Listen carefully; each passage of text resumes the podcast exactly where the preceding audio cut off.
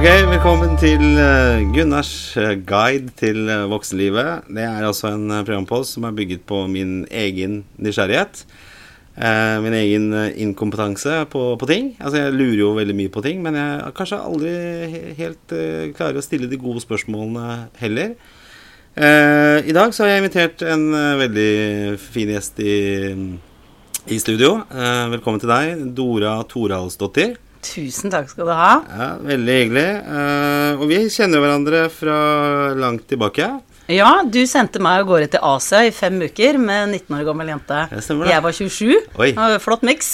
For da jobbet jeg i en radiostasjon som het Energy, og Ja. vi hadde en konkurranse sammen med Kilroy Travels. Og så eh, vant jo du den konkurransen sammen med hun eh, svenske Mm. Ja. Og så hadde hun én sending fra Bali, tror jeg det var, og da sa dere vi skjønner ikke helt den svensken din, så Dora må gjøre resten av jobben sjøl. Så det var fint. Ja, så var det var Det var fem sånn- uker. Ja, det var begynnelsen på litt sånn radio- og show, eh, Ja. showkarriere. for det er blitt Så det du skal egentlig fram til, er takket være deg, så har jeg stått på scenen Ja, vet du der. Det har jeg tenkt ganske mange ganger, at uh, der har jeg en liten prosentandel. Uh, da- Jeg skylder deg penger, er det det du skal egentlig fram til? Eller noe sånn 10% royalties eller noe sånt. da. Nei, så det var, det var veldig hyggelig. Så var vi litt kjærester også en eh, Ja, periode der. Jeg hadde en liten greie der. Ja. Ja. Det var litt flauere å si enn jeg trodde, faktisk. Plutselig var det flere som hørte på det det. var det. Vi, vi, vi har vært rundt omkring. eh, Vi har det. Men øh, Og det var jo derfor du vant den konkurransen også, for det var så veldig flott. eh, Ja, var det det? Ja. Ok, ja. nå får jeg vite det. Jeg ikke jeg trodde du var talent. Okay. Så fra Bali og fra, fra denne konkurransen du vant, så har eh, det gått egentlig slag i slag. Du har jobbet i radio, eh, i P4. Ja. Eh, og det er også faktisk litt irriterende, for jeg husker jo vi, vi skulle jo i et bryllup sammen. eh, og da drev jeg og skrev en tale. Og da husker jeg vi eh, lekte litt med den tanken, for du hjalp meg ganske mye, for du var jo flink til å skrive. Uh, og så lekte vi litt med den tanken at kanskje jeg skulle gjøre standup, og så kunne du skrive. Men fader og etterpå så ble jo du også standup Var det irriterende? ja, Det var også litt irriterende. Det er fader, altså.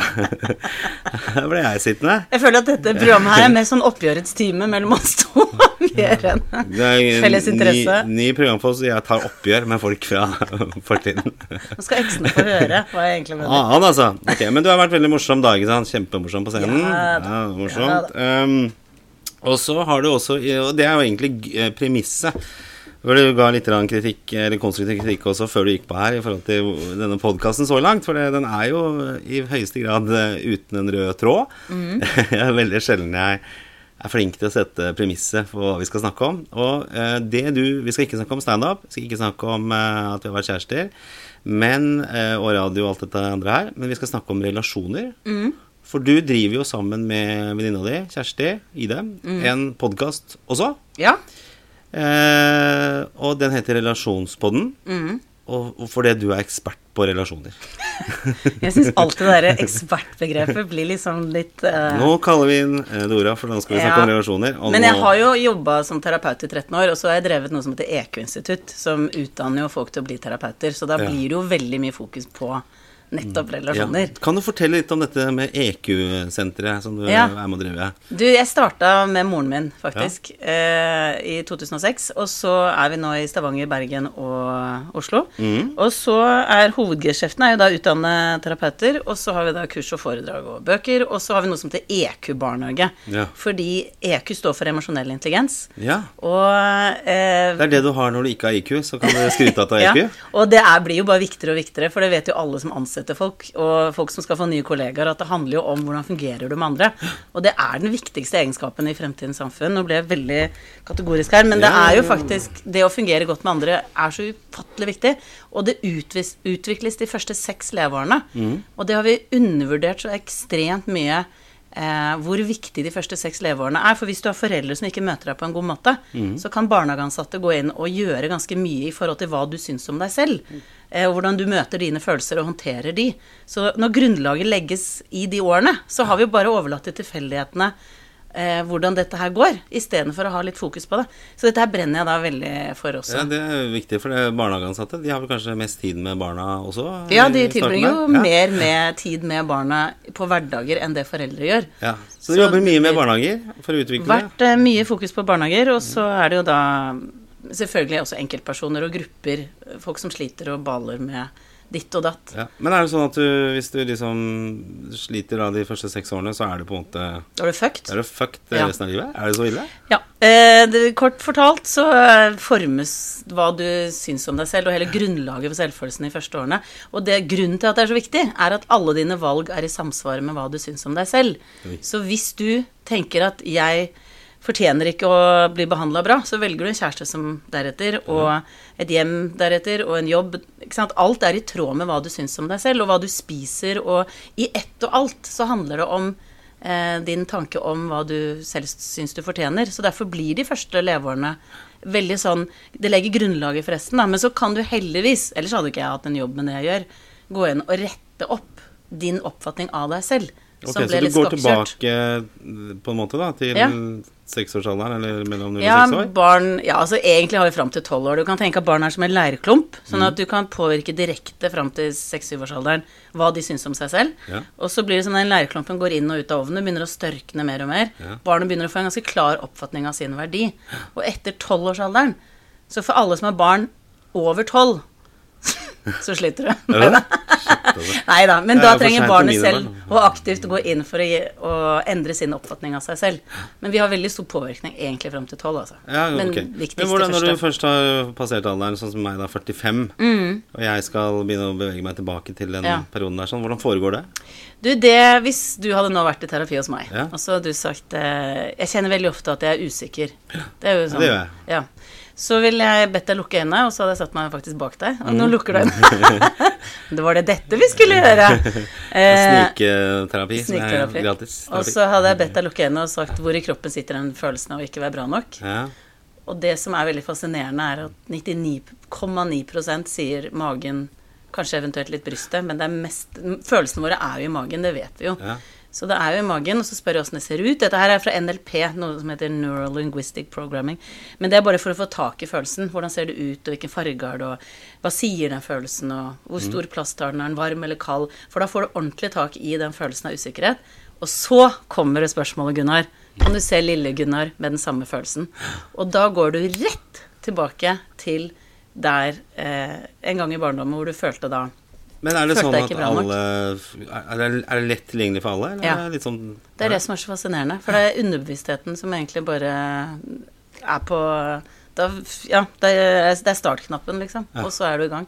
Så folk går, for når du får tak i følelsen, så kjenner du i deg selv igjen som barn med den samme følelsen. Ja. Og så går du inn og snakker med deg selv som den voksen du er i dag. Jeg vil gjerne at du snakker. Du som voksen snakker med lille Gunnar. Lille Gunnar, ja. Og så er det ofte veldig mye sorg ja. i å se et barn som ikke føler seg sett eller møtt eller forstått eller eh, føler seg lite Kanskje verdsatt, eller det er ingen som egentlig vet åssen jeg har det. Nei. Det er utrolig mye ensomhet når du går tilbake igjen.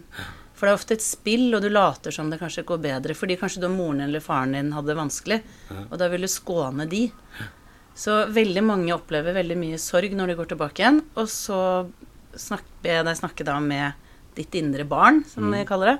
Eh, og det er mye følelser som kommer da. Og så er det jo dine ord hele veien. Det er ikke jeg som sier hva du skal si. Jeg bare stiller spørsmål. Men det er litt sånn gestalt Ja, det er litt gestalt. gestalt. eh, Det er absolutt likheter der. Og så snakker du med foreldrene dine, for det er mye usagt ofte til foreldre. Ja. Og det er veldig frigjørende å stå opp for seg og si at eh, 'jeg syns ikke det var greit', og sånn og sånn, og 'jeg er forbanna for det', eller 'jeg er lei meg for det', eller 'jeg vil ikke ta ansvar for deg lenger', eller Så ser du for deg at du liksom adopterer Gunnar med videre. Ja. Og så er det det å ta han på alvor ved å ta følelsene dine på alvor. Så da fikk du en liten innføring her. Ja, da fikk jeg en liten innføring. Eh, Ja. Prøv å se litt for meg lille Gunnar Ja. på fire-fem-seks år. Sånn bolleklipp og rødt hår. Eh, Hvordan har han det? eh, hvordan han har det? Eh, han var jo enebarn, da. Eh, han var ikke i barnehage, eh, så han var jo mye for seg sjøl. Eh, så fikk han vel en sånn eh, hva heter det for noe? Et dagbarn. Altså mamma tok Mm. et dagbarn eh, da jeg var sånn fem-seks år. Så det husker jeg som en veldig sånn positiv ting. Eller så var det veldig mye sånn fantasifigurer. Onkelen min var en fantasifigur. Var Gadji husker jeg var en eller annen Men han eh, var fantasi... Det var fantasifigurer, ja. Ah, ja. ja. Så husker jeg jeg hadde sånn derre Jeg satt ved stuebordet, og så hadde jeg sånn et, en tallerken eh, som jeg brukte som ratt. Og så kjørte jeg langt av gårde, og så hadde jeg det i baksetet. Onkelen min og Og det var ikke den virkelige onkelen min. Nei, nei. Men det var en, en, en, en annen fiktiv onkel. Og så var det guttene mine. Altså, jeg vet ikke hvorfor det var dialekt oppi dette her, men Og Gadji, husker jeg. Det var de til Og Yes. guttene vet jeg ikke hvor mange var. Du vet ikke hvor mange barn du hadde med deg? Hvor mange guttene det var, det jeg alltid tenkt at det kanskje var et par stykker. To stykker. Det var litt mer sånn diffust. Eh, jeg husker mamma sa at det var så eh, skremmende, for de føltes så veldig virkelig. For jeg henvendte meg så veldig til Yes. de, da. Men de var veldig snille. Det var veldig Ja. Jeg tror onkelen min var liksom den, den litt sånn eh, kule, litt voksen-typen som Men han kjørte aldri bil. Han satt jo i baksetet, han også, for jeg satt jo, det var jeg som kjørte bilen. Eh, og sånn var det ganske lenge, husker jeg. Eh, og jeg tror det var en litt sånn ensom periode. Jeg tenker Ja. Når jeg selv valgte å få barn, så, så var det jo veldig bevisst å få flere barn. Ja. For at det er en, eh, det er en fin følelse å ha søsken, som jeg husker jeg savna ganske mye. Uh, Mm. Ja. Hatt en sånn storebror for eksempel, som banker opp folk som var slemme mot deg. Ikke at det var så mange som var slemme mot meg heller, det var vel ikke egentlig det. Så det, ja. Ja. Nei, men jeg skjønner det med søsken, for det er jo en sånn følelse av at eh, det er oss to på en måte sammen, og så er pappa og mamma ofte Eller eventuelt hvis du vokser opp med bare én, selvfølgelig. Men det er en eller annen sånn teamfølelse som Ja. du ikke har når du Og jeg tror også når du blir voksen, det å være enebarn når foreldre f.eks. begynner å skrante litt, og ting går eh, ikke så bra, Mm. så er det veldig tungt å være alene ofte. Ja, ja det, og det gjorde jo også. Det skranta jo. Det gikk ikke så bra heller. Så det Ja. gikk jo som det gikk. Men du hadde jo flere søsken også. Hvordan var det? Ja, jeg har to yngre søstre, så jeg hadde flaks der, altså, fordi vi har vært veldig nære. Alltid vært nære? Nei! eh, Altså, jeg skal ikke idealisere det altfor mye. Nei, jeg hadde jo vokst opp i Lommedalen, og det var jo langt ute i Gokk. Mm. Det var før Märtha flytta dit, og prisene gikk opp, og det ble hipt og kult og moderne og Det er blitt snobbete der, har jeg hørt. Ja, det er det, altså. Men eh, Ja, det er det, altså. Jeg ja, har gjort bærumsgutt av meg, jeg. Så ja, tenke seg til. Og jeg ble drammenser, gitt. Du ble drammenser, ja. Hvordan skjedde det? Nei, det Bare for å ta Du spurte liksom om søsken. Skal jeg bare ta veldig Nei, nei, kort at eh, sorry. Så skal jeg fortelle borte, ja. Nei, det er ikke noe, det. Det er ikke så interessant, det jeg skulle si, så det passer egentlig fint. Nei, det var bare at vi vokste opp i Lomdalen, og det var ikke så mange å være sammen med. Um, Bjørg, søsteren min, hadde ikke så Hun hadde ingen på sin alder som bodde i nærheten. Så hun mm. hang seg jo på meg og Cecilie, som var min venninne. Ja, okay. Så jeg forbinder jo bare lillesøsken med de som egler seg innpå og er masete. Så jeg har ikke noe sånn veldig sånn eh, Da vet du hva, vi var bestevenner hele tida, og bare Kumbaya Lord og high five og Det var egentlig bare mas å ha yngre søsken. Jeg, jeg sier jo til Da- barna det at eh, de, de er jo Det er fire år mellom de, og så er Mm. det en gutt på 13, og så er det en, en jente da på 17. Eh, og de krangler jo ganske mye nå. Eh, det er liksom skikkelig tottene på hverandre. Så sier jeg det, tenk deg det, om ja, men 10 år, 15 år kanskje, så er dere på Sunwing Resort eh, sammen med barna og ferierer. Og så spør jeg liksom Ja, hva skal dere gjøre til sommeren da, Olivia? Nei, jeg skal jo med broren min da, og ungene til Syden. Og de sier bare Det skjer ikke. Det kommer ikke til å skje. Det er så gøy å spole fram liksom 15 år, og Og da skal de være sånn Ja, når du sier det sånn at vi skal på ferie om 15 år, Ja. da er det ikke noe vits i å irritere seg nå. de, de ser bare vantro på meg, for det, er liksom, det, det, det skjer ikke, pappa. Det kan du bare glemme.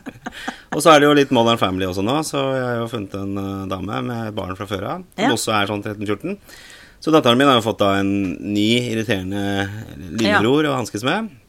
Så, eh, så hun er nok ikke sånn superfan av dette søskengreiene. Men eh, det, det vil jo endre seg. Jeg tror jo på det. Jeg Ja, ja, ja. ser for meg de Masse eksempler på hund og katt i oppveksten, og så blir man mye bedre venner. Absolutt. Vi får gå tilbake til relasjonene, da. Så kan vi ta den uh, Oi, prosit. Drammens-historien. kan vi prøve å nøste det opp rundt Drammen? eh, Skal vi ta Drammen? Vet du hva, Det er blitt en litt morsom historie, altså. Ja. Jeg skal Skal vi ta den en gang, eller? Ja, skal vi bare gjøre det, eller? Ja, vi gjør det. Ja, Så kan jeg spise godteri. Eh, Kanskje folk hører at jeg er litt rusten i stemmen i dag. Det ble litt sent eh, ute på, på pappa i går. Så Snakker du om deg selv i tredjeperson person med pappa? selv, ja. Det er altså så usexy, egentlig. Ja, usexy. Ja, pappa var ute på byen i går. Og pappa, Da tenker jeg «Åh». Men nå har jeg også fått en hund. Du må komme deg litt oftere ut, tenker jeg da. Ja, jeg, oi, jeg er masse ute, men eh, jeg har også fått en hund. Eh, en liten dags, en dvergdags. Mm. Og da er det sånn Er pappa hjemme? Har pappa kommet hjem? Hvor kom, ja, ba, Oi, pappa nuss. Uh, ja, ja, sorry. Man merker at det er helt greit at det er slutt. Ja, Nei da. jeg tror det var du som kom eh, best ut av det, for å si sånn. Men eh, Drammen Fortell om Drammen. Apropos slutt. Nå skal du høre. Ja, Jeg, ja, apropos slutt, for det var det som gjorde at jeg ble havna der. ja. Jeg var sammen med Jon, min eks, som jeg fikk to barn med, Ja. i ti år. Så ble det slutt. Skau, komiker. Ja. ja han standup-komiker. ja. Og så eh, ble det slutt, og så gikk det vel et halvt års tid, eller noe sånt, og så traff han Marianne, som han ble sammen med. som bodde på Åsia. Så tidlig etter bruddet? Det var vel Halvt år, sju måneder eller noe ja, okay, ok, sånt. det. Ja, det var noe, det hadde alt å si. Ja. Jeg husker ikke, åtte måneder kanskje. Ja.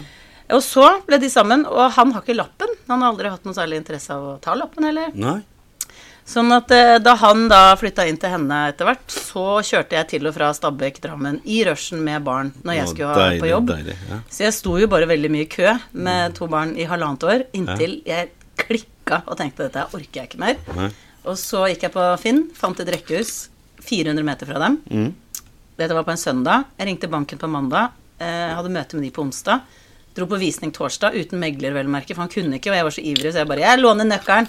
Og jeg var innom i tre og et halvt minutt og tenkte her skal jeg bo. Som viste seg å ikke være så lurt, for det var bare masse vannskader og drit. Oh, Så det frarådes uh, å gjøre ting så spontant. Ja, ja, ja. Og så la jeg en bud fredag morgen. Ja. Så da flytta jeg inn. Eh, 400 meter fra dem, og Mm. så gikk det et halvt år, og så gjorde hun det slutt og flytta til Lier. Og da hadde ungene begynt på skolen og sånn. Oh, Så Jon og jeg bor i Drammen helt uten grunn. Det er absolutt ingen grunn til å være der, annet enn at nå har ungene liksom landa der. Så um, Ja, ja. Ok. Men jeg har lært å like det veldig godt. Altså. Nå, nå liker jeg det. Men lenge så var det følelsen av at jeg ikke hadde valgt det sjøl. Og de gangene jeg havna i kø, så tenkte jeg fader, åssen klarte jeg å knote til dette her? Men det er rart hvordan man knoter det til, for man gjør jo det. Jeg, sånn Bosituasjonsmessig så har jeg alltid vært heldig. Jeg har bodd nære, og nære skoler og alt Mm. mulig. Men jeg, jeg, det har jo vært noen tilløp til å liksom tenke at ja, kanskje Sandefjord hadde vært ålreit å flytte til eh, Ja. på et tidspunkt der. Når jeg liksom tenker i etterkant av det, så bare Tenkte jeg på det det tidspunkt? Jeg var noe kjæreste der nede da, ikke sant. Ja, så skulle begynne sånn, å kombinere Bærum med Sandefjord. Lykke til, eh, sier jeg bare. Så det gikk jo over styr, det, det jeg Ja. så da. Men eh, det, var, det, det svinga svinga rundt i tankene en periode, at det, det var en god plan. Veldig bra plan. Men eh, det er godt. Du er fornøyd med det, det du endte opp med, da? Ja, ja, ja, absolutt. Det har vært en god pakke, det. Altså. Så jeg er fornøyd med det. Men ja, Drammen er jo eh, Hver gang liksom, drammenser skal skryte av det, så sier de ja, det er bystrand, ja, som Barcelona. Ja. Ja, Er det mye av det fortsatt, eller? Det som er det klart. Vet du det morsomste med å bo i Drammen, det er når jeg sier at jeg bor i Drammen, samme hvor jeg er i landet, så er det akkurat som jeg starter en setning andre fullfører. Mm. Så hvis de sier 'hvor er du bor igjen?', så sier jeg Drammen, så vet jeg umiddelbart at de kommer til å si Drammen, ja. Der har det blitt så fint. Det sier alle i hele Norge. Uansett, du kan dra til Volda eller Alta, eller ja, samme hvor du er hen. 'Jeg er blitt så fint i Drammen!' Ja. 'Jeg er blitt så fint i Drammen!' Og hver gang så er det sånn 'Ja, jeg er blitt så fint i Drammen', ja, ja, ja. Nei, det har ikke blitt fint i Drammen. Jo, altså, det, Det er ikke så fint der, da. Det er ikke det. Er ikke det. jeg, jeg tror det var veldig fælt. Det var jo det fortsatt en, ja, for det var et veikryss, og, det var, og så var det Ja. Herodes Falsk eh, som ødela vel mye for Drammen. Jeg tror det var ganske mange Mm. som hjalp til å dra Ja. ned Drammen. Jeg Ja. tror det, det var sikkert et helt greit sted, altså. Men eh, Men hva tenker liksom du når barna flytter ut, da? Skal du leie litt på Frogner? Det er veldig gøy at du tenker med barna dine at dere skal glede dere om 15 år, da skal dere på ferie sammen, og du tenker nå ti år fram, da vet jeg ikke. Kommer litt an på om jeg er sammen med noen, eller uh, hvor jeg er i løypa. Ja, jeg har en gameplan. Altså, nå har jeg et hus og hage og alt det der sånn. Det skal jeg ikke ha Nei. Uh, når jeg blir eldre. Det, det er ikke snakk om. Så når ungene ikke trenger dette tomleplassen, Ja. servicebygget eh, lenger, så, så syns jeg det, da skal jeg flytte i leilighet. Eller vi Ja. flytter i leilighet, da. Så, Jeg trodde også at jeg skulle bo med hus og hage i lang tid, og det, jeg bodde jo dette hølet av et sted som var bare oppussing og mas. For det var Kjøpte fra en albaner som hadde liksom pussa opp, og så hadde han brukt barnehagebarn, tror jeg, til å gjøre mesteparten av jobben. Ja, ja. Så det var veldig dårlig arbeid, så det var så mye ja, Jeg har styra så mye med det, så da tenkte jeg dette orker jeg ikke mer, og flytta til en terrasseleilighet. Så nå bor jeg i seniorsvingen oppe på Bera. Oi. Oppe på Bera på jeg! Så jeg har veldig fin utsikt, og alle er 116 av naboene. Ingen vet hvem jeg er, og vet hva jeg Podka... Hva kalte du det?! det er, altså, de er, og det er rushtrafikk. Det er veldig morsomt, fordi det er jo da et ganske stort område med terrasseleiligheter, og alle er jo 170. Og der er det eh, Det er ikke noe trafikk når jeg kjører ut om morgenen, og det er ikke om ettermiddagen, men sånn i elvedraget, da begynner de å stå opp og skal i butikken. Da er det litt sånn trafikkantydninger. Så, så jeg trenger ikke å tenke sånn hva skal jeg gjøre når jeg blir gammel, for jeg bor jo allerede i et sånt der gamlemannsområde. Så tenker jeg ja, ja, kanskje Ja, ender er opp her, da. Ja, det er bra. Ja, skal vi ikke ha helt standup her, Dora? Må slappe her. Jeg snakker om livet mitt, jeg. Ja, det var morsomt. Det var veldig morsomt. Jeg er fortsatt litt sår på det der standup-opplegget. Jeg hadde glemt det helt til du sa det. Uh, jeg finner ikke på noen gode vitser sjøl. Apropos sånn pappating. Altså, nå er jeg på den pappahumoren. Ja. Da finner jeg opp vitser sjøl her om dagen, så dette er jo veldig lokalt, men den, du Mm. kan relatere til den. Mm. uh, vet du hvorfor uh, nå er jeg spent. Vet du hvor de som røyker mye, eh, står på ski? Eh, og nå, røy, Røyken, altså Ja, det kan være det, men det er jo Altså, stå slalåm, da, for eksempel. Kolsås. det er det der jeg ligger nå, da. På den, det nivået der. Finner opp ting. Og Slår du an datteren min bare? Nei, det er sånn Det, det himles så øynene omtrent går ut av hodet rundt Det hadde gjort uansett hva du hadde sagt, til deg. Ja, det gjør nok det, altså. Men eh, ok, hvis vi skal eh, vri det litt mer inn til um, dette vi skal snakke om, da, den røde tråden. Ja, skal vi snakke om en rød tråd? Ja, altså det, det, med relasjoner, Ja. for det, der er jo du ekspert, det er jo derfor du har kalt inn i studio her. eh, hvordan ser det ut med, med vår relasjon og vår, vår kommunikative evne i Ja. 2019? Er det mye, mye å ta tak i? Ja, det kan du godt si. Men eh, jeg kan begynne med å si at jeg er veldig optimistisk på veien videre.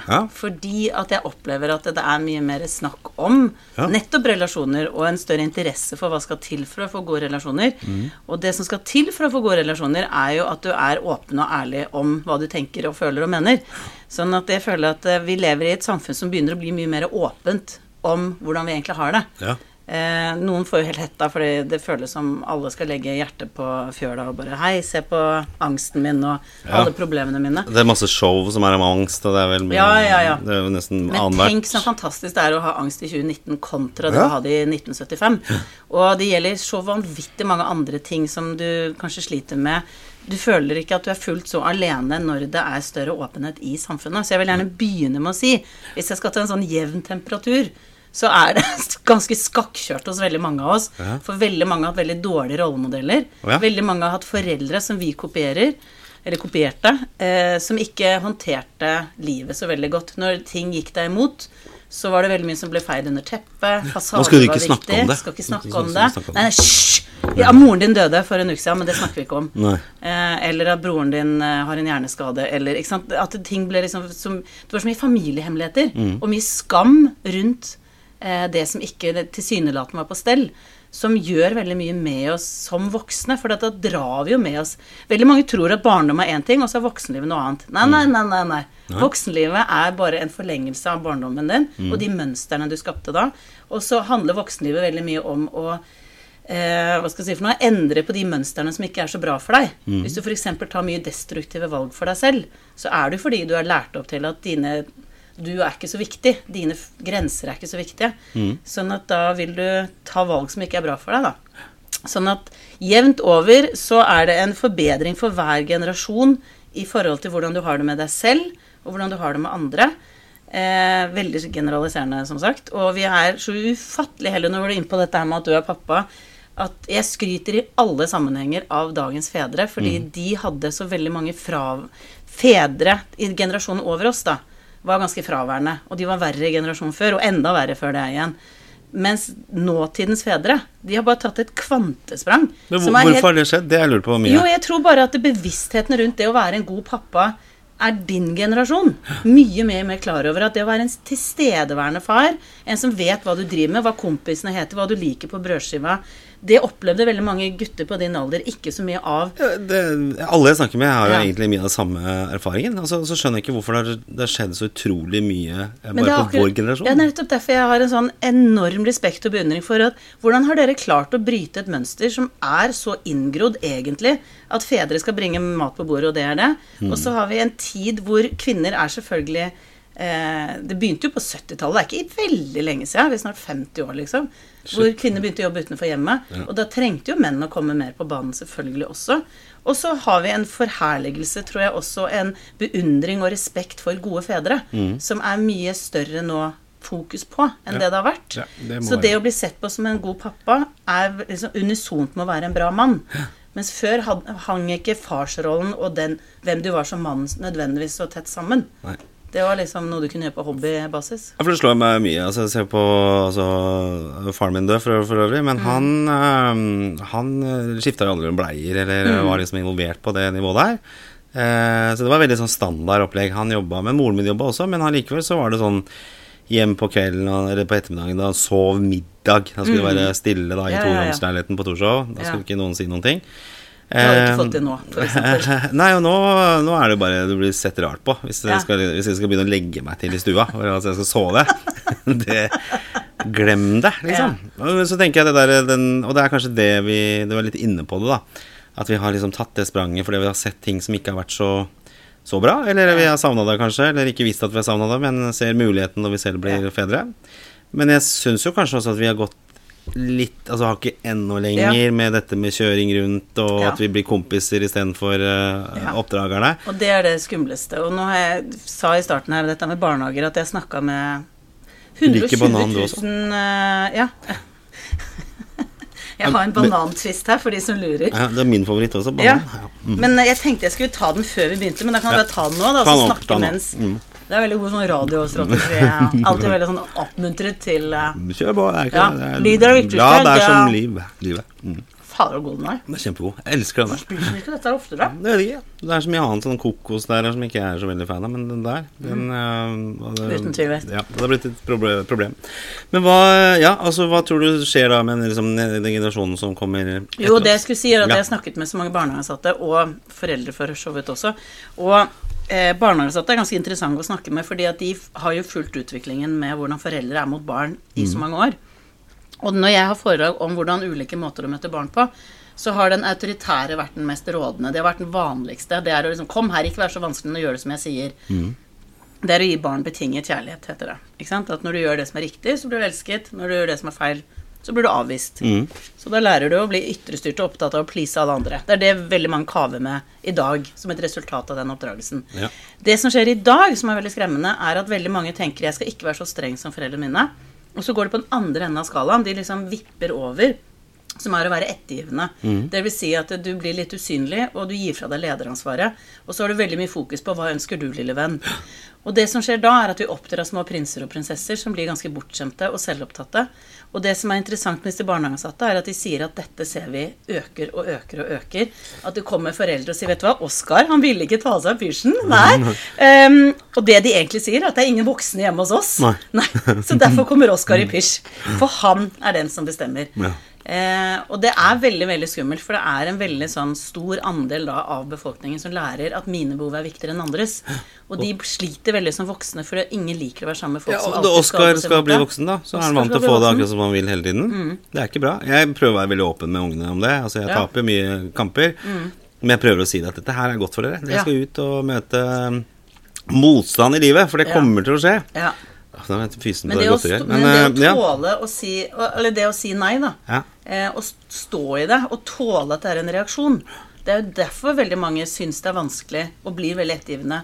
For de syns den reaksjonen er så vanskelig å håndtere. For barn skal ha det så bra hele tiden. Mm. Så det å vite at når jeg sier nei eh, Nei, jeg vil ikke leke med deg akkurat nå. Eller nei, jeg vil ikke sparke fotball. Eller nei, jeg vil ikke lese bok. Det å bare vite at når jeg sier nei, så lærer barnet Oi, ja, nei er faktisk en fullverdig setning. Ja. Og den dagen du har en tenåring som blir pressa til sex eller dop eller drikke, som ikke er klar for det, så klarer det barnet å si nei med full overbevisning hvis de har opplevd det som barn. At mamma eller pappa sa nei med jevne mellomrom. Eh, sånn som, ikke sant? så dette med å legge seg på sofaen og slappe av, som du nevnte. Jeg har jo lørdager. Jeg elsker sånn magasinet i Dagbladet og VG. Og rett og slett bare ta timeout og lese helgeavis. Ja, ikke sant? papiravisen. Papiravis, Aftenposten. Jeg elsker det. Ja. Og da har jeg en regel, for da går jeg inn på mitt rom, rett og slett. Høres ut som jeg er tolv år. Går inn på rommet mitt, Ja, ja. og så lukker jeg en døra, og de vet at den døra her skal ikke åpnes med mindre huset brenner. Oi. For nå har jeg min tid. Og det jeg er litt opptatt av, er at hvis jeg viser at jeg har behov Jeg trenger Nå ligger jeg her en time og ikke forstyrr. Så lærer de at hvis de har behov senere også, så er deres behov viktige. For hvis jeg gir hele tiden avkall på mine behov, og bare 'dere er viktige, dere er viktige', alltid liksom ofrer meg, eh, så vil det være det de kopierer også. Men kan, jeg tenker i forhold til narkotika, eksempel. Altså, Mm. Kan ikke det også være en fordel da, hvis du får sånne selvopptatte unger som ikke vil la seg påvirke andre i det hele tatt? Så kom igjen, ta litt narkotika. Nei, det gidder ikke. Det vil ikke gjøre. Ja, men det er ikke naturlig for dem å si nei hvis ikke det er noe de er vokst opp med. De trenger det faktisk å få De sier jo nei hele tiden. Ja, det kan du se. Så de har jo lært seg definitivt hva de ikke vil eh, gjøre. Har mitt inntrykk, i hvert fall. Jeg er jo fotballtrener, eller var fotballtrener også, så jeg har jo sett, har sett barn i litt større barna. grupper og sånn, at det Ja. er mye, mye egeninteresse man sine. dyrker. Ja. Ja. Men jeg tenker jo at det som er også. Veldig mye urettferdighet. Altså Man føler at man er urettferdig behandla. Det er Ja, kanskje ja, det ordet som blir brukt mest. eh, det er urettferdig. Det er ikke for gruppa, det er for Nei. meg det er Ja, urettferdig. ja. Men da tenker jeg at da har du lært at du er viktigere enn andre. Ja. Men akkurat det med å si nei, der tenker jeg at det, hvis du er god til å ta vare på deg selv, men gjør det på en epatisk måte, så Mhm. gjør jo også barnet Det handler jo om åssen du gjør det også. Ikke sant? Det er, nei, jeg vil ikke lese bok! Ikke sant? Hvis du er liksom bedriten eh, på måten å gjøre det på, Ja. så blir det jo en negativ opplevelse. Men hvis det er sånn Jeg har ikke lyst til akkurat nå, jeg kan gjerne gjøre det litt senere, mm. eller i morgen, men akkurat nå har jeg ikke lyst til, eller jeg vil ikke. Ja. Men det var mer foreldregenerasjonen vår inntrykk av. Det var sånn nei. Altså, Ja, men det var den Nei, autoritære. det har ikke det noe med å gjøre. Ja. Din vilje er med i min lomme. Ja, for det var sånn Det er fordi jeg sier det. Den holder ikke, er føler jeg sånn. nå. Eh, Nei. Da må du forklare.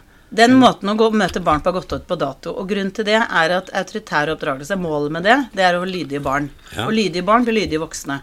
Og lydighet har vært en egenskap vi har verdsatt så høyt. Det er derfor den eh, oppdragerformen slo an så veldig, er fordi vi hadde så forutsigbare liv. Mm. Vi, liksom, du ble født, og da visste du omtrent da du var en måned gammel, at ja, faren min er slakter, så da skal jeg også bli slakter. Eller Ja. bonde, eller hva det er. Og kvinner hadde jo ingenting de skulle ha sagt. De skulle bare gifte seg og få barn, og det, vær så god, det er Ja. ditt prosjekt. Så da var lydighet så viktig, men nå er ikke lydighet det viktigste. Fordi at vi har ikke så forutsigbare liv. Folk bytter jo retning i yrkeskarrierer og skiller seg og Altså, det er helt Det er et helt annet samfunn. Og da blir det viktigste å ha det godt med deg. At du liksom trives i ditt eget selskap og har det godt med deg. Og du møter deg selv på en god måte. Vet du hvorfor det er så viktig? Gunnar? Fordi da møter du andre på en god måte. Ja. Så hvis du er kjærlig med deg selv, så er du kjærlig med andre. Og hvis du er raus med deg selv, så er du raus med andre. Og hvis du er kritisk mot deg selv, så er du kritisk mot andre. Ja. Så derfor blir måten du møter deg selv på, så viktig. For det avgjør også hvordan du har det med dine nærmeste. Men hva, Bortsett fra da å gå på Ekeskolen, hva er det jeg kan gjøre sånn uh, i, i dagliglivet for å trene meg bedre uh, i forhold til å, å møte andre, f.eks.? da? Ja. Du, da, vi kan dele det i to ting. Det ene er tanker, og det andre er følelser. Ja. Er du klar? Jeg er klar. Kan jeg ta en slurk først av denne ginger beer? Ja, Luscomb uh, Ginger Beer, Devon, England. Mm. Uh, ikke sponsa av det. Jeg har ikke fått noen sponsor på denne poden ennå. Men du driver og Har dere Det høres ut som uh, Ja, vi har eh, noen sponsorer. Hvem er det sponsorer? Skal vi snakke om det nå? Jeg Storytel og Choice og ja. Er det Ok, ja, da er det sånn der. Å, jeg har sett en bok på. Storytel her. Ok, men det var greit. Men bra. Du skal ha for å Vi er innom litt av hvert Jeg er innom litt av hvert. Oi, Men det er fint, da. ja. Eh, hvor var den? Jo, Jo, det, det er bra. tipsene. Ja. Dele mellom tanker og følelser. Hvis jeg tar tankene først, da, så eh, er det veldig mange som går rundt og har veldig mye eh, Tenker veldig mye kritisk om seg selv. Mm. Og liksom sier mye stygt til seg selv. Mm. Men Da, da er det fire trinn. Er du klar for å høre hva Ja. du kan høre? ja. Skal jeg montere? Nei, jeg hører, tar det. Jeg Nei, hører du på podkasten kommer til å skjønne. det første er å legge merke til hva du sier til deg selv. Ja, Og grunnen til at det er nummer én, er at det er umulig å endre på noe før du er klar over det. ja. Så legg merke til hva du sier, faktisk. For alle har en indre dialog, men veldig få tenker over hva de sier til seg selv. Så legg merke til hva du sier til deg selv, særlig sånn som i dag når du våkna dagen derpå ja. og var litt sånn Det var dårlig humør, følte jeg litt sånn Ja. dårlig, dårlig form. Og så merker jeg også litt sånn eh, Det i forhold til trening, f.eks. eksempel Mm. Jeg, Med en gang jeg begynner å løpe, så, så sier jeg til meg selv Du er sliten, du er sliten, du er sliten, du er sliten. Du er sliten. Gjør du det? Ja. Orker ikke mer. Stopp, stopp. Orker ikke mer. Stopp, stopp. Funker den strategien? Nei, det gjør ikke det. Så jeg tenker at den er vel litt overført i forhold til hva du snakker om her også. At Ja. eh, hvis du hele tiden bombarderer deg med negative Ja. Mm. ting, så blir du også rimelig negativ sjøl også. Ja. Og du er jo det. Jeg, også, men jeg syns det er så pussig med det derre den, eh, den, den eh, Hva skal jeg si for noe? Humøret, eller eh, hva du skal kalle det. Er det humør? Er det riktig å si? Ja, kan godt si humør. Ja. Ja. Eh, for jeg, jeg tenker veldig ofte på De Lillos, eh, 'Tøff i pysjamas'-låta. For den føler jeg ofte på. Mm. Ja. Mm. Den derre Av og til så er jeg imponert Ja. når jeg ser i speilet. Ja, ja, ja. Ja. Eh, men andre Og så kommer den dumme, dumme, dumme Ja. som jeg sier til meg selv inni, Ja. inni hodet da, ikke sant. Så, men, men klarer du å overstyre det? Hvordan gjør man det? Hvordan gjør du Er det en trøst at uh, du er ikke alene? Nei, jo, det vet jeg jo. Ja, det er sånn. veldig mange som uh, har det sånn. Nei, det jeg tenker er at eh, eh, du får et bedre liv hvis du er litt venn med deg selv. Ja. Veldig mange av oss eh, hakker ganske kraftig. Og vi hadde Men du blir så lei av deg sjøl, tenker jeg. Altså, jeg tenker Hvis man skulle levd for evig, f.eks., så hadde jeg vært så lei av meg sjøl Ja. på et tidspunkt. Allerede den, nå er jeg lei av det. Jeg, til og med jeg er jo lei av de vitsene, de der dumme pappavitsene også. Jeg bare, ah, Kan du ikke bare kutte ut med de? Men der har vi den kritikeren igjen. Ja. Så jeg tenker, yes, jeg lager mine egne vitser. Det er ikke alle som får til. Men uh, hvis vi tar disse her fire, da, så Ja, er det sorry, først å legge merke til Nei, det er ikke noe sorry her. her er du kritisk igjen. eh, til legg merke til hva du sier. Ja. Og så eh, Det høres teit ut, men det å vifte eller knipse og for å ha med kroppen i vekk, bort, vil ikke ha det. Ikke sant? At du viser med hele deg. For hvis du bare tenker sånn Bort med de tankene, vekk, Mm. så har det ikke så stor effekt. Nei. Det er sånn engelsk uttrykk som er 'motion is emotion'. Ja. Bevegelse er en følelse. Så Ja. med en gang du har med kroppen, så ha, er du mer på en måte i det. Og så kan du erstatte det kritiske med f.eks.: 'Jeg gjør så godt jeg kan', Ja. eller 'Jeg har lov til å være meg', eller noe annet som du vil heller Men det er noe mer oppbyggende, da. Mm. Eh, og så Det som er det siste, er at hvis du sier til deg selv 'Jeg gjør så godt jeg kan', ikke sant? med litt sånn lut holdning Husker du Mette-Marit i starten? Mm, ja, Ja, litt sånn eh, 'Jeg skal bli dronning'. Det er jo kjempegøy. Eh, så hvis du har en veldig lut holdning, så tror du ikke på det. Nei. Så du trenger også å rette deg opp. Og det å rette seg opp har veldig mye å si. Så det å sitte sånn som du sitter nå, rak ryggen og. Ja, men puste fram Mikrofonen er så langt ned, Ja. så jeg må sitte litt krumpet. Men, jeg prøver. å- Ja, men når du retter deg opp og sier 'jeg gjør så godt jeg kan', jeg har lov til å være meg Jeg gjør så godt jeg kan. for eksempel. Ja. For det det, er ikke bra nok, Gunnar. Jo, det er, det er bra Ja, nok. jeg gjør så godt jeg kan. Ja. Jeg får ikke gjort noe mer enn det. Nei, jeg får ikke det. Nei. Alle gjør så godt de kan. Så det er sine første, første steg. Eh, så det er tankene. Ja. Og så har du følelsene. Og det er der ofte sårheten ligger på denne følelsen jeg ikke er bra nok. Og det du kan faktisk gjøre, for nå gjorde vi en sånn bitte liten mini-teoretisk terapi, Ja. er at f.eks. når du legger deg på kvelden, se for deg lille Gunnar, i ditt tilfelle, da. Um, se for deg selv som barn, og du har kanskje et bilde av deg selv på nattbordet, f.eks., da, som en min påminnelse. Fordi at når du bygger opp deg selv som barn, så bygger du egentlig opp den du er i dag. Ja. Jeg tror jeg må kalle Det det noe sånn- annet enn Lille-Gunnar, for det blir assosiasjon til noe annet. Det må Ja. si noe annet enn det. Sorry. Ok, da Barnet. Barne-Gunnar, må jeg si. Ja. Mm. Mm. Men uh, uh, Nå ble jeg helt distrahert der, jeg. Men, uh, ja, det altså- å se for deg og si kjærlige ting Ja.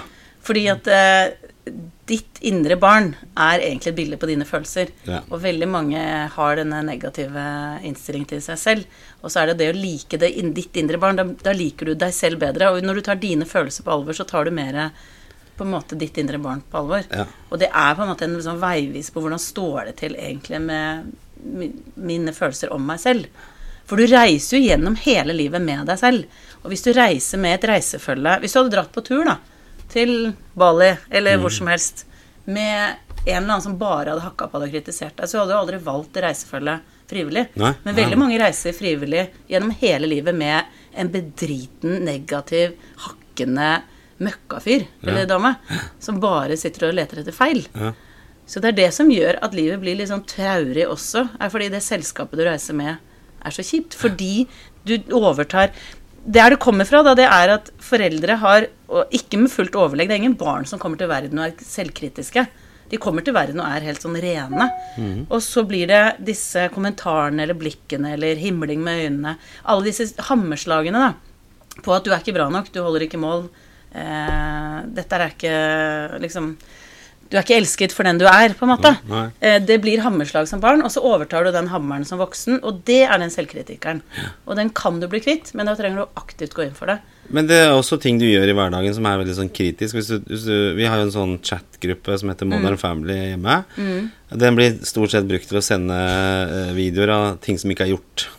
Altså at det ikke er rydda av eller vasket av. Jeg fikk jo en her om dagen, og da hadde Ja. jeg en i reserve som jeg kunne sende tilbake. Som jeg hadde tatt film av eh, for noen dager siden. eh, Noen som ikke hadde tørka av bordet. Da sendte jeg den i retur med en gang, da. Men det er vel også litt sånn negativt. eh, Ja, jeg tenker liksom unngå. at eh, det, all forskning viser at belønning funker bedre enn straff. Ja, ja, ja. Sånn at det å bli sånn Fy søren, se her, her har, du, her har du faktisk tatt ut av oppvaskmaskinen. ja. Masse applaus, Ja, ja, men gratulerer. det skjer ikke. Holde på med de negative tingene hele tiden. bare så det er sagt, så vil jeg si at hvis du har en 13-åring og en 17-åring å forholde deg til, Ja. så er hele opplegget fra naturens side å være i opposisjon Ja. og gjøre det motsatte av det du ønsker. For jeg fikk jo, fikk jo beskjed faktisk av sønnen min her om at eh, Ja, hvordan skal vi vite at du skal ta av bordet? Først så sa han det. Ja. "Eh, Nå kommer du til å klikke i vinkel. Så ta det rolig. og så, eh, så sier han det. Men hvordan skal vi vite at vi skal ta av bordet? Og da bare pusta jeg med magen. Ja. Altså, Det er når det står ting på bordet Ja. som skal i oppvaskmaskinen. Det, da vet du at det skal i bordet. Å ja, ok. Jeg tipper kroppsspråket ditt avslørte litt hva du syns om det spørsmålet. Nei, nei, Nei, jeg tror jeg kanskje han ba han eh, tenke gjennom spørsmålet òg, Ja. før jeg svarte. Men du, da du var 13, var du dritgod til å øh, tørke av bord og sette i oppvaskmaskinen og dette sånn? her vet jeg, da. ikke sant? Det er jo håpløst å si. Og les bøker og gjør Ja. oppløftende ting og sånne ting. Så tenker jeg tilbake til han 12-13-åringen, da. Hva gjorde han? Nei, han spilte vel dataspill, han òg. Ja. Og gjorde de samme tingene. Rø- Rydda ikke opp etter seg. Nei. Satte bare ned i oppvaskkummen. Så det, det er riktig, det, altså. Det er det. Men øh, er det noe Det er ikke noe sånn belønningssystem, øh, ukepenger eller noe sånt, av å gjøre visse ting? Nei, jeg var så dårlig på det, men nå har jeg vært litt sånn sein med bankkort og sånn, så nå er det Ja. snart i havn. Ja, Så det skal brukes eh, Ja. på for det med en gang du vet at uh, jeg får ti kroner mm. for å gjøre ting Og det er ikke alltid at det er liksom veien å gå, altså. Det var bare noe jeg tenkte nå, men uh, ja. For jeg har i hvert fall barn som har Vi har sånn belønningssystem. Du får poeng, og så når de får så og så mange poeng, da skal vi dra på Gullskogen kjøpesenter. ja. Og da får de 200 kroner hver. Og hvis de har så og så mye poeng, da bestiller vi sydentur. Men da er det ganske mange poeng, altså. ja. Så Så du klarer de å følge det opp? Altså, har du Ja. orden på det? Ja. Imponerende, altså. For de det er masse sånn, eh, insentiver som har eh, kokt ut til ingenting, dessverre. Så Det er vel den der, Men jeg minner meg litt om, for jeg har jo en 13 år gammel datter selv, ja. eh, at eh, når det er Jeg kan ta i går, da, så hadde hun en venninne der, og de skulle lage pizza. Sånn hjemmelagd pizza. Vær så god, her er ikke sant, kjøkkenet, her er tingene, lykke til. Og så kom etter maten, så er alt bomba. Så ser jeg en del av å lage mat er jo å rydde opp. Og det var liksom veldig masete å få de til å gjøre det. Og så hadde de gjort halvparten, og så gikk de. Og så var jeg sånn Men det er jo ikke ferdig. Og da fikk jeg kjeft. Fordi vi har rydda så mye, og så skal du være så negativ. Og så setter du ikke pris på at vi har rydda så mye som vi faktisk har. Og så tenker jeg bare Å ja, det er dette Halvgjort arbeid er også arbeid, er en som sa en gang. selv, ja. så så det, var, det var et eller annet med at eh, de, Altså Egentlig burde ungdommer ha en sånn skilt i panna som er under ombygging. Fordi Ja. at det er veldig mye mangel på logisk Altså For oss så blir det veldig mye Hvordan tenker de egentlig? Men det er Altså, hjernen er jo fullstendig i Når du er på en sånn byggeplass, så skjønner du liksom at er det noen som har oversikt over hva som skjer her, egentlig? Og det, sånn er det i ungdomshjernen. At det er ekstremt mye som skjer. Så det er så mye hormoner og ombygging og Så det er litt å ta Litt den, på den kappa at eh, de driver og sorterer og prøver å bli en egen person. Og hvis de gjør alt det pappa sier, så blir de ikke en egen person. Jeg er glad jeg er 45 og ikke 13, 14, 15, 16, egentlig. Jeg må, Ja. jeg må si det, altså. Jeg er, jeg er mer fornøyd med 45. Ja. Okay. Men de, det, hvis det skal være kalle en spade for en spade Ja. Sønnen din se på deg, han kommer til å kopiere det. Ja. Eh, Datteren din kommer til å kopiere moren sin, eh, eventuelt stemor, Ja. eh, i veldig mye av hvordan man gjør ting. Mm. Sånn at du trenger egentlig ikke å være så livredd. For hvis du hadde ligget på sofaen og aldri løfta en tallerken, Nei. da har du skapt en sønn som fremtidig kone kommer til å klikke på Ja. og hate deg for. Sånn at det at du viser vei, er det beste. Og så For da kan de se tilbake, vet. Ja, pappa han sto på, på kjøkkenet ja, og sant. sendte noen filmer av og til, men så- eh, ja. sendte noen filmer. Men man bare huske på at det er jo den store læremesteren, er den hva du gjør, ikke hva du sier, Nei. og de videoene du sender. Nei, ikke sant. Så jeg er optimist på dine vegne. Ja, så bra. Det er godt å høre. Men eh, for å nøste litt tilbake til dette med å være positiv, da. Både mot deg selv, som igjen gjør at du er positiv mot andre. Ja, liksom mer raus og snill, vil Ja. jeg vel egentlig si. For positiv er ikke alltid Hvis du har en bedriten dag, så er det ikke sånn «Ja, på de positive brillene! Er så glad!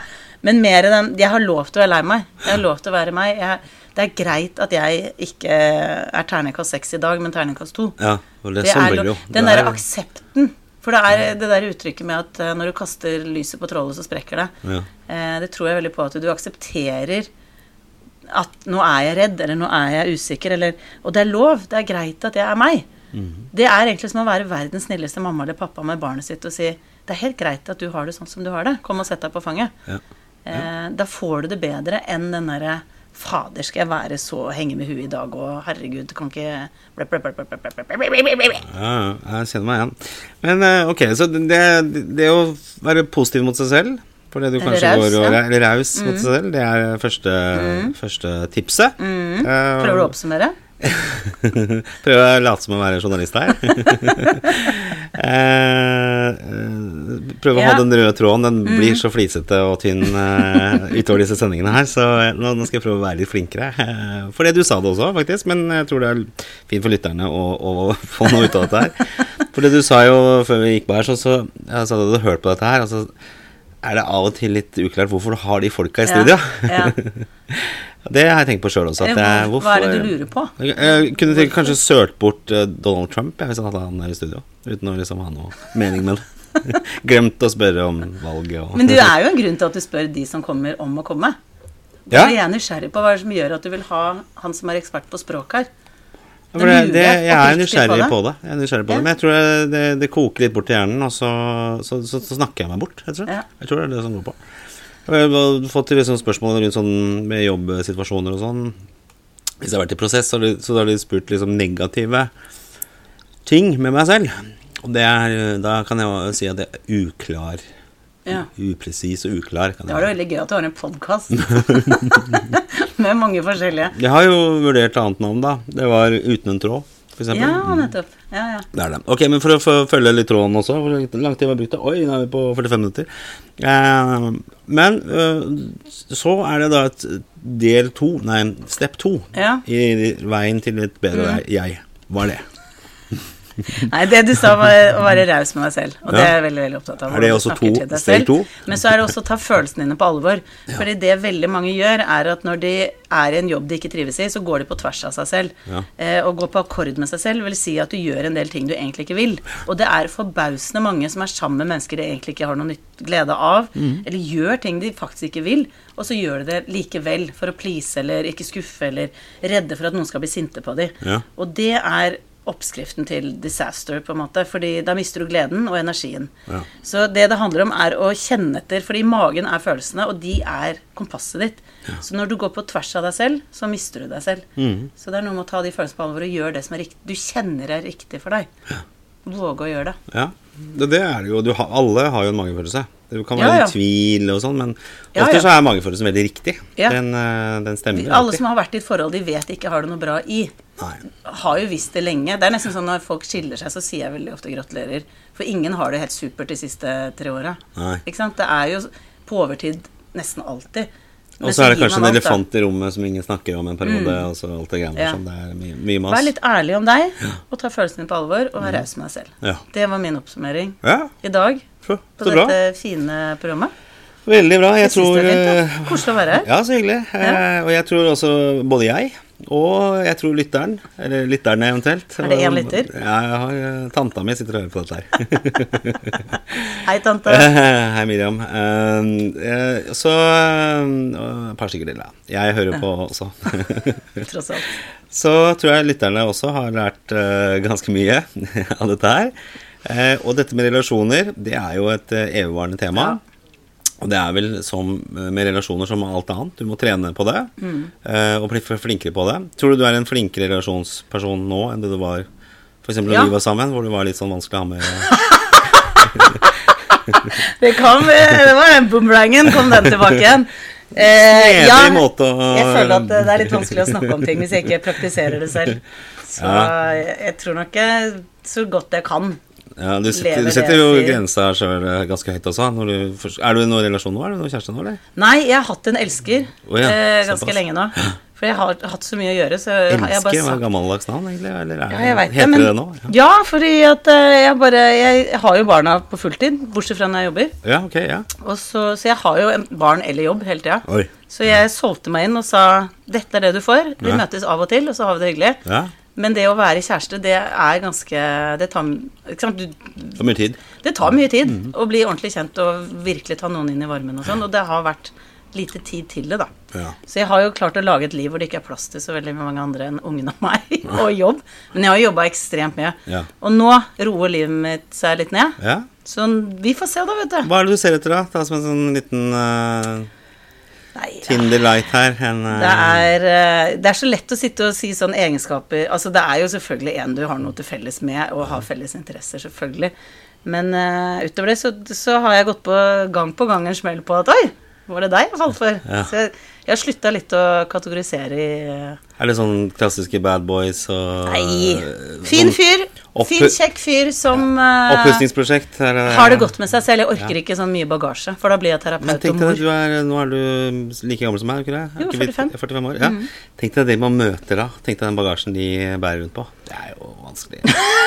Du er ikke så optimistisk. Nei, jeg er så mye gærninger Vi får se. Vi får se. Men jeg, Jeg skal holde deg oppdatert. Ja, det må du gjøre, altså. Jo, kanskje komme en gang og fortelle om det også. Eh, Ja, kanskje jeg skal komme tilbake. Ja, det syns jeg absolutt. Eh, nå er jeg jo Jeg har jo eh, laget mange programmer nå, så jeg har brukt Ja. veldig mye gjester. Det du skal snu bunken etter hvert. det som faktisk er litt fascinerende, det er at du er bare jente nummer to, eller dame nummer to, jente nummer to i denne programserien.